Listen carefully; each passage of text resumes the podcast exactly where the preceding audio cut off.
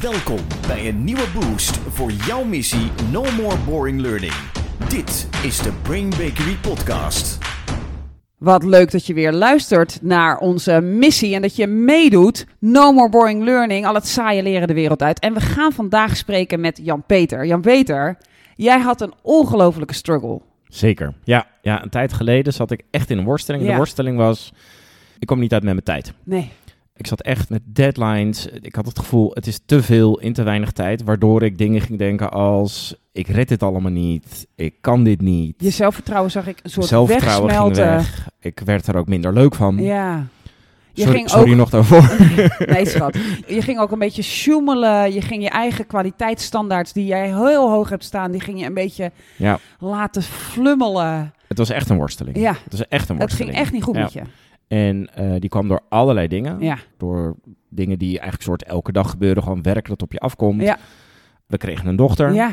eh, dag minder werken. Ja. Ook wel minder werk, maar toch voelt Ja. een dag minder werken als krapper tijd. Ja. Nou, dat is het ook. Nou. Dus het was een eh, moeilijke periode om daar uit te komen. Ja.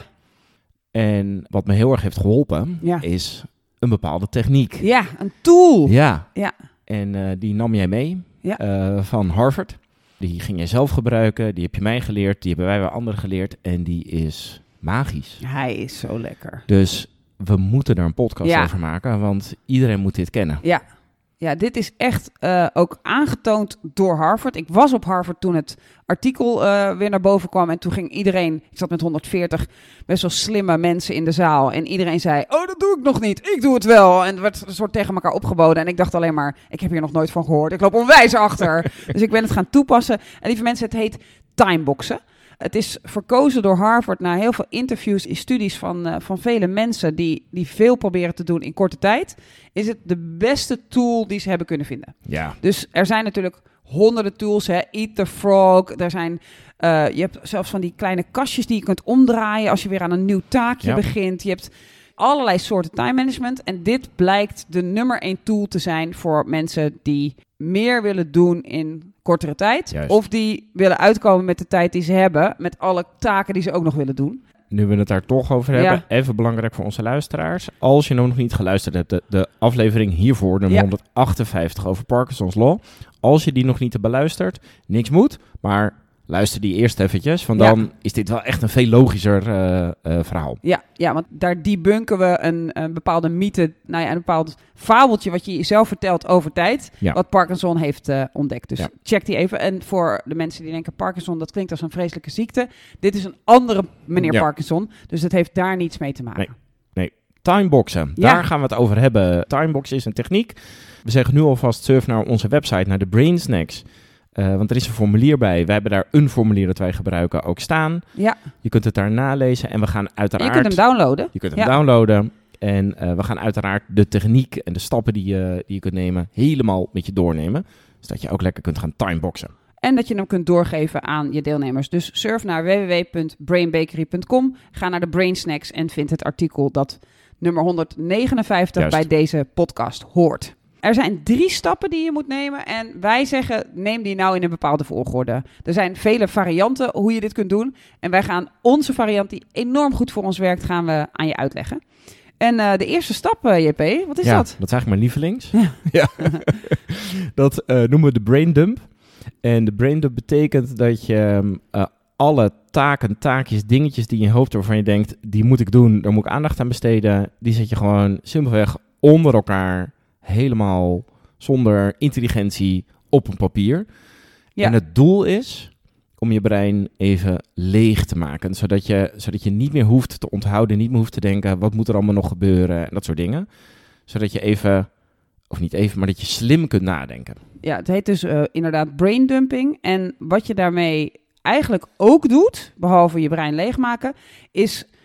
De meeste mensen hebben wel, kennen wel het gevoel dat je zoveel in je hoofd probeert te houden, dat je denkt, als ik nu een lijst ga maken, dan eindigt die lijst nooit. Weet je, dat gevoel, dat, Ja. wat we allemaal denk ik wel kennen, dat je in bed gaat liggen en dat je denkt, dat niet vergeet. Weet je, die, Ja. die searches, en die geven je heel gauw het gevoel, ik ben overwhelmed, ik kan het allemaal niet meer aan. En ik durf nu eigenlijk niet te gaan opschrijven wat ik allemaal moet doen, want, er komt geen ja, einde aan. Schier Ja. oneindige.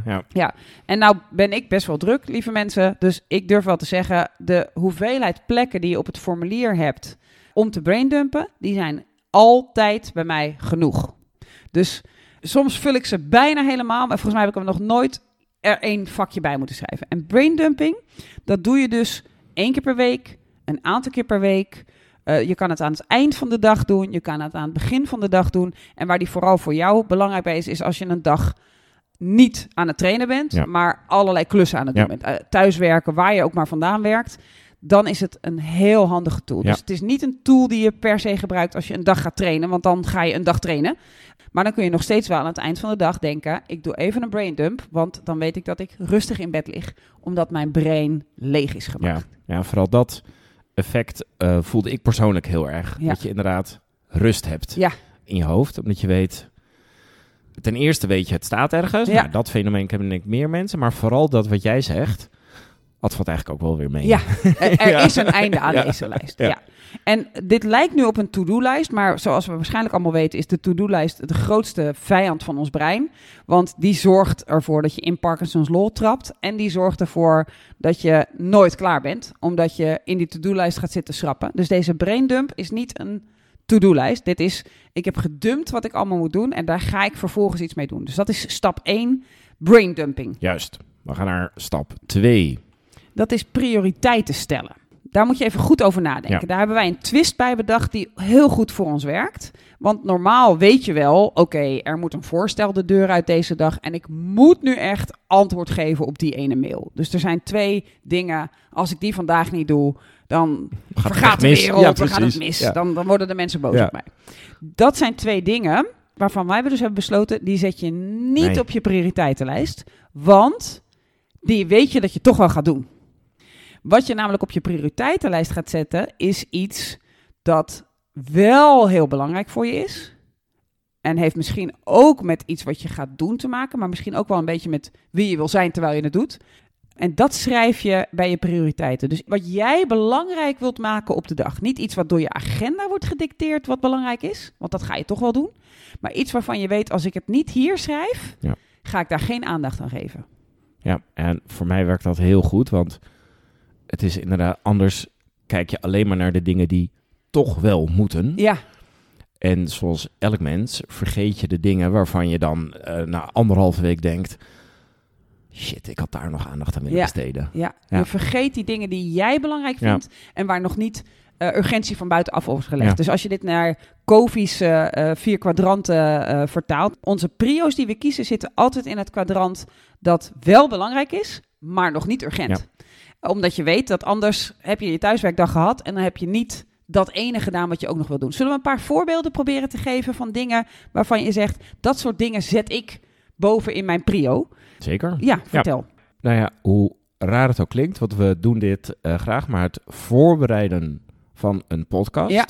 behalve als wij de dag erna een podcast opnamedag hebben en ik heb nog niks, dan wordt het een urgente. Ja. Maar als ik denk, over twee weken gaan we weer twee podcasts opnemen, daar heb ik nog twee weken de tijd voor, die wil ik nu voorbereiden, dan kan ik daar rustig over nadenken. Ja. Dat zoiets zet ik dan op mijn prio, Ja. want dat hoeft nog niet die dag. Nee. Maar, Maar ik je vind het wel belangrijk, want ja. ik wil een goede podcast maken. Ja, en je weet ook, het komt wel goed, maar je weet ook de kwaliteit van die podcast wordt beter, die aflevering wordt beter als ik mijn research heb gedaan, als ik mijn artikel vast twee keer heb nagelezen. Ja. dat is een heel mooi voorbeeld. Voor mij zit het soms ook in dat ik weet, ik ga me nu een soort onderdompelen in 50 taken. ik ga heel veel dingen proberen weg te trappen en af te maken. En dat ik dan opschrijf van ja, ik heb ook nog de community van Brainiacs. Hè, de mensen die bij ons de Train de Trainer hebben gedaan, het jaartraject. En die afstuderen succesvol. Dat worden onze Brainiacs. Die zetten wij zoveel mogelijk in. Daar proberen we leuke dingen voor te doen. Dat is echt een community die elkaar helpt. En ik kan soms in zo'n dag zitten en dat ik weet, ik ga nu een soort onder water en kom aan het einde van de dag weer naar boven. Maar ik vergeet dat die community bestaat. Dus dan schrijf ik op, iets leuks doen voor de community. Ze even inspireren. Ik weet dat als ik dat niet bij mijn prio schrijf, Dan heb ik aan het eind van de dag een afgevinkte Ja. takenlijst. Ik heb alles gedaan wat ik wilde doen. Maar ik heb niet ook aandacht besteed aan iets belangrijks. Nee. Ik heb niet ook even mijn vader gebeld. Eh, dus van die dingen die een prio voor jou zijn, maar niet omdat ze urgent zijn, maar omdat jij ze belangrijk Ja. vindt. Die knal je daarbovenin. Ja, en dat, wat ik zeg, dat helpt heel goed. En, en daarom is het ook zo belangrijk om eerst die braindump te doen. Ja. Omdat je dan denkt, oké, het, het valt wel mee. Of, of misschien ook wel, het valt niet mee. Ik heb Ja. heel veel te doen. Ja. En los van dat ik heel veel te doen heb, wat vind ik nou ook nog belangrijk vandaag? Ja, precies. Daarom hoort de prio pas, ook al staat hij bovenaan het formulier, Ja. eh, zullen jullie zien als je hem bekijkt, komt hij pas na de braindump. Want Ja. dan pas ben je op die plek van, oké, oh, het is veel, Ja. maar ik heb volgende week ook nog, ik heb daar ook nog wat, daar kan ik nog wat mee, dus oké. En wat is er nu belangrijk? En die komt pas als tweede. Ja. mooi. Nou even een, een vraag. Stel nou dat iemand eh, die braindump doet en, en niet denkt, het is veel. Die denkt, het is echt te veel. Te veel. Ik ga dit niet... Ik heb Ja. nu één dag voorbereidingen. Daarna twee weken eh, sta ik voor de groep. Ja, Dit ga ik nooit redden. ja. Oeh, zou, dan, Ja. zou dan je prioriteit kunnen zijn... Ik wil eerst, ik roep maar wat, een, een half uur besteden aan eh, hulp vragen of zoiets? Of, of ga je dat dan gewoon doen? Nee, ja, goeie. Nee, ik denk dat een vraag in twee delen. De eerste inderdaad, stel je bent zo bang om die braindump te doen, omdat je denkt, als ik dat zie, Ja. ja, dan sterf, sterf ik gewoon ter Ja. plekke, weet je wel. Dus wat heel lekker is, is als je de braindump hebt gedaan en je ontdekt, dit kan ik niet aan, dan staat jou twee dingen te doen. Eentje, hulp vragen. Als dat kan, hè. stel dat je ZZP'er bent, heb je een goede vriend, vriendin, een collega, hulp vragen. Maar ook, je, misschien heb je nog gewoon een ouderwetse baas. Kun je zeggen, hey, ik ontdek dit. Help me even met welke dingen ga ik wel doen, welke dingen ga ik niet doen. Eh, dus dat is eentje. En de andere die je kunt doen op dat moment, als, als deze niet helpt, kun je ook laten weten: hey, ik heb jou dit beloofd en dat gaat niet gebeuren. Ik heb een, een vergissing gemaakt. My bad, super sukkelig. Maar ik mail je nu gelijk wanneer je het wel hebt. Dan. Dus dan ga je vertellen aan de mensen die wachten op jouw werk wanneer ze het wel kunnen krijgen. Je gaat even je excuses aanbieden dat jij gewoon een verkeerde inschatting hebt gemaakt, dat er iets tussen is gekomen, whatever. Of misschien is er wel ook echt Ja. iets wat je ook wel wilt delen. Ja. Maar je kunt hulp vragen, help mij om te prioriseren. Of je kunt zeggen, ik ga laten weten dat het later komt. Dat moet je dan wel doen, want anders ga je en geen pri- anders ga je een soort werken bovenop. Ja.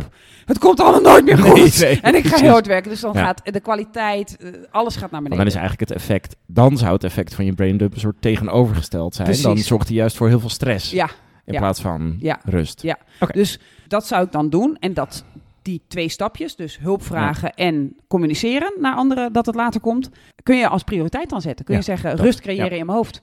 Of mensen verwittigen van wat er later komt. Ja. En wat ik dan wel altijd doe, is dat ik, dat is even handig om te weten, als je veel achter je bureautje werkt, dan wil je voor iedere dag wil je zo'n timebox sheet hebben. Dat wordt zo met, met stap 3 zeker duidelijk. Eh, maar dan ga ik dus kijken wanneer ga ik dat dan inplannen, zodat ik eerst een planning af heb, gerust ben en dan kan ik taken gaan wegwerken. Dan gaan we dus nu naar stap 3. Ja, En daar vinden wij de timeboxes. Ja. We gaan timeboxen. ja. Ja.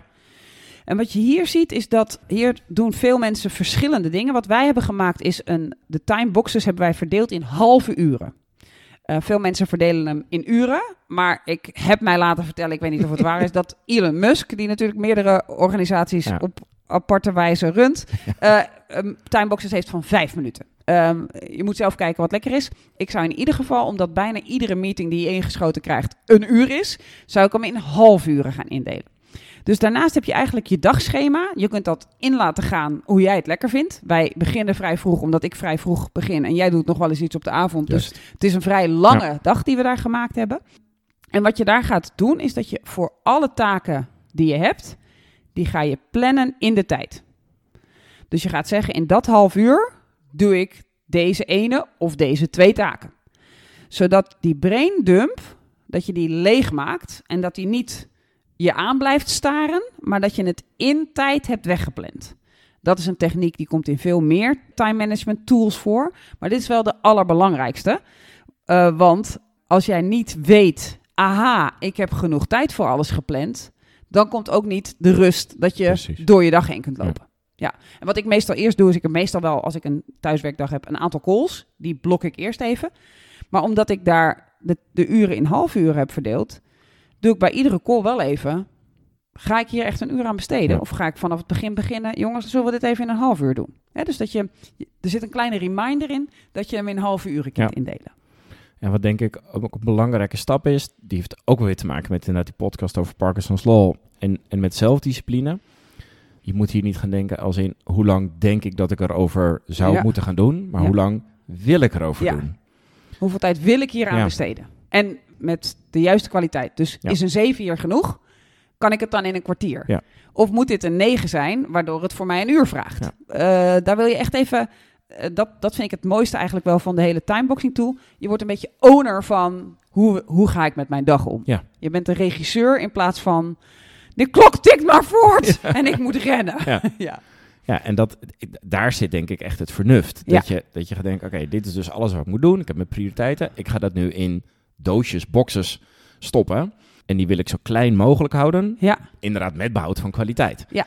En, en daar die slimme keuzes in maken. Ja. Eh, ja, dat, dat maakte hem voor mij heel krachtig. In plaats van, ja, ik ga een training voorbereiden. Nou, laat ik daar eens een dagdeel voor nemen. ja, precies. Ja, ja, ja. ja in plaats van, oké, hoe zou het eruit zien als ik hem in een uur duw? Ja. Ja. en dat, is, dat vind ik wel een van de mooie dingen, dat je aan de knoppen van kwaliteit en tijd tegelijk draait. Want ik merk dat mijn eh, artikelen of, of podcastvoorbereiding eh, beter wordt als ik eerst een artikel op 60% vol met spelfouten, maar wel allerlei ideeën, als ik dat eerst even opschrijf. Als ik hem dan even door een spellingscontrole ding haal, waardoor het even wat lekkerder staat. En dat ik dan twee dagen later hem teruglees. Ja. En denk, oh, wacht even, dan mis ik dat nog en dat nog. Gewoon even aanvullen. En dan ga ik hem herschrijven en mooier maken. Maar doordat ik in dat soort stapjes denk, kan ik dus een artikel in een kwartier schrijven. Mijn eerste versie. Ja. En weet ik dat ik nog misschien twee keer een kwartier eraan ga besteden. Maar wat ik vroeger deed was een uur per artikel. ja. En dan bloed, zweet en tranen en spellen. En oh my god, het is nog niet helemaal goed. Dus het spelen met... Stel dat ik hem in mijn timebox nu op een kwartier zet. Ja, en ik haal dan een zes. Hoeveel kwartieren heb ik dan nodig Ja. om daar naar mijn negen of mijn tien te komen? Er zijn natuurlijk veel luisteraars die ook dat soort werkzaamheden hebben. Die zullen misschien niet artikelen schrijven, maar die moeten bila's voorbereiden, Ja, presentaties voorbereiden, eh, rapportages opmaken of analyseren of, of dat soort dingen. ja, het leuke van Timebox is inderdaad dat je zo'n grotere taak kunt, en dat is dus ook denk ik ons advies, Ja. kunt gaan opbreken in kleine stukjes. Om, nou precies voor dit proces. Omdat Ja. je dan weer met, met vernieuwde intelligentie of nieuwe informatie daarnaar kijkt. Dus per saldo ga je daardoor tijd besparen. En je streept dus alles wat je in je braindump had geschreven, wat nu ingedeeld is in tijd, streep je dus weg. Ja. Dus je creëert eigenlijk een lege braindump, omdat je over de verschillende dagen waarin je werkt dit gaat doen. Het advies is ook om dit op papier te doen, Ja. want de meeste mensen werken toch wel met Microsoft Office, waar iedereen van alles in kan schieten. Nee, je hebt dat papieren lijstje en je gaat ook echt doorstrepen, vinkjes zetten als iets af is. Zo zodat lekker. je zorgt voor je dopamine. Ja. Zorgt van, hé, lekker, dit is gebeurd. Ja, dus het kost je misschien wel even 10 minuten als je eenmaal ge- gewend bent. Misschien de eerste keer iets langer om dit te doen. Maar je wordt wel een regisseur van je dag. Want jij bepaalt wat je waar opschrijft. Versus, je doet je agenda open en oh, daar gaan we. ja. ja, het voelde bijna een beetje op een gegeven moment, als je de, de hang of it krijgt, Ja. een beetje als soort iets magisch. Ja. Omdat dat hele gevoel van, wat jij nu net Ja. beschrijft, ah, dat is langzaamaan aan het verdwijnen. Ja. En ineens is er rust Ja. en licht. Ja. Eh, maar het vereist dus wel discipline. Ja. Ja, het, het vereist dat je wilt. Ik ben eigenaar van mijn tijd. Ja. Versus mijn agenda is mijn baas. Ja. Ja. Ja. ja. Als je nou kijkt hè, voor jezelf, want jij bent hem nu een tijd aan het gebruiken. Eh, daarom willen we hem nu ook maken, omdat je de benefits hebt ervaren. Ja. We hebben hem getest en we hebben hem zelfs al wat een aantal keren tijdens een training doorgegeven. Wat maakt nou voor jou het meeste verschil in dit ding? Wat, als je één ding moet zeggen en als je er twee moet noemen, moet je die noemen? Ehm, uiteindelijk maakt, eh, dat is wel grappig, gevoelsmatig, als in het, het gevoel van van- het gevoel van rewarding, Ja. eh, dat zijn die prioriteiten. Ja, En dat heeft te maken omdat je dan niet alleen maar bezig bent met de dingen die moeten, de Ja. klusjes, de taken en, en de dingen waarvan je weet, ik moet dat nu af hebben. Dat is ook lekker om af te hebben op Ja. een gegeven moment. Maar het is natuurlijk, of natuurlijk, voor mij is het veel lekkerder om ook tijd te besteden aan de dingen die niet nu moeten, Ja, maar belangrijk voor je zijn. Die zijn beter voor je ziel, zou ik zelfs eh, ja, zeggen. ja, mooi gezegd. Dus, dus ja, er zit ook heel veel gratification in. Ik krijg het op tijd af en ik loop niet de hele dag achter de feiten aan. Maar als je uitzoomt, vond ik dit, vind ik Ja. dit het lekkerst. Heel goed. En jij, Sjane, wat, wat vind jij er het lekkerst aan? Ik vind het overkoepelende, het regisseursgevoel, vind ik heel lekker. Dus als ik zie, oh ja, ik heb daar met die klant hebben we een uur ingepland, maar eigenlijk is dat een catch-up. En omdat ik dat van tevoren al weet dat hij daar staat en van tevoren al mijn braindump heb gedaan een dag ervoor, kan ik dan even een mailtje sturen met, hey jongens, volgens mij zijn dit de topics die we willen bespreken. Hebben jullie nog meer? Zodat ik zeker weet, als de meeting dan begint, heb ik een mailtje terug van, nou, dat zijn ze inderdaad. Zodat ik dan kan openen met, zullen we dit in een half uur proberen te Ja. doen? Om iedereen wat extra tijd te geven. Ehm, dus het, het vooruit regisseren in de samenwerking met anderen levert mij heel veel op en levert ook heel veel aan hun op. Want ook zij zijn gewend, nou, we hebben een uur. Ja. Dus Dus een uur. ja, ja. en je merkt ook dat het kletspraatje in het begin, wat een heel belangrijk onderdeel is, veel langer duurt als je weet, we hebben Ja. maar drie punten te bespreken en we hebben toch een uur staan. Dus ik zit echt strakker op de bal en breng daarmee ook plezier en blijheid naar anderen. Beste luisteraar, download vooral het formulier en ga jezelf vaardig maken. Ga oefenen met het timeboxen. Want nou ja, je hebt het gehoord. Ons heeft het in ieder geval heel veel opgeleverd. Het is ook wetenschappelijk aangetoond dat het heel veel oplevert. En we horen ook heel graag van je of en zo ja, wat het jou oplevert. Juist. Ga timeboxen. No more boring learning. Dit was de Brain Bakery podcast. Wil je meer weten? Kijk dan op brainbakery.com of volg ons op onze socials.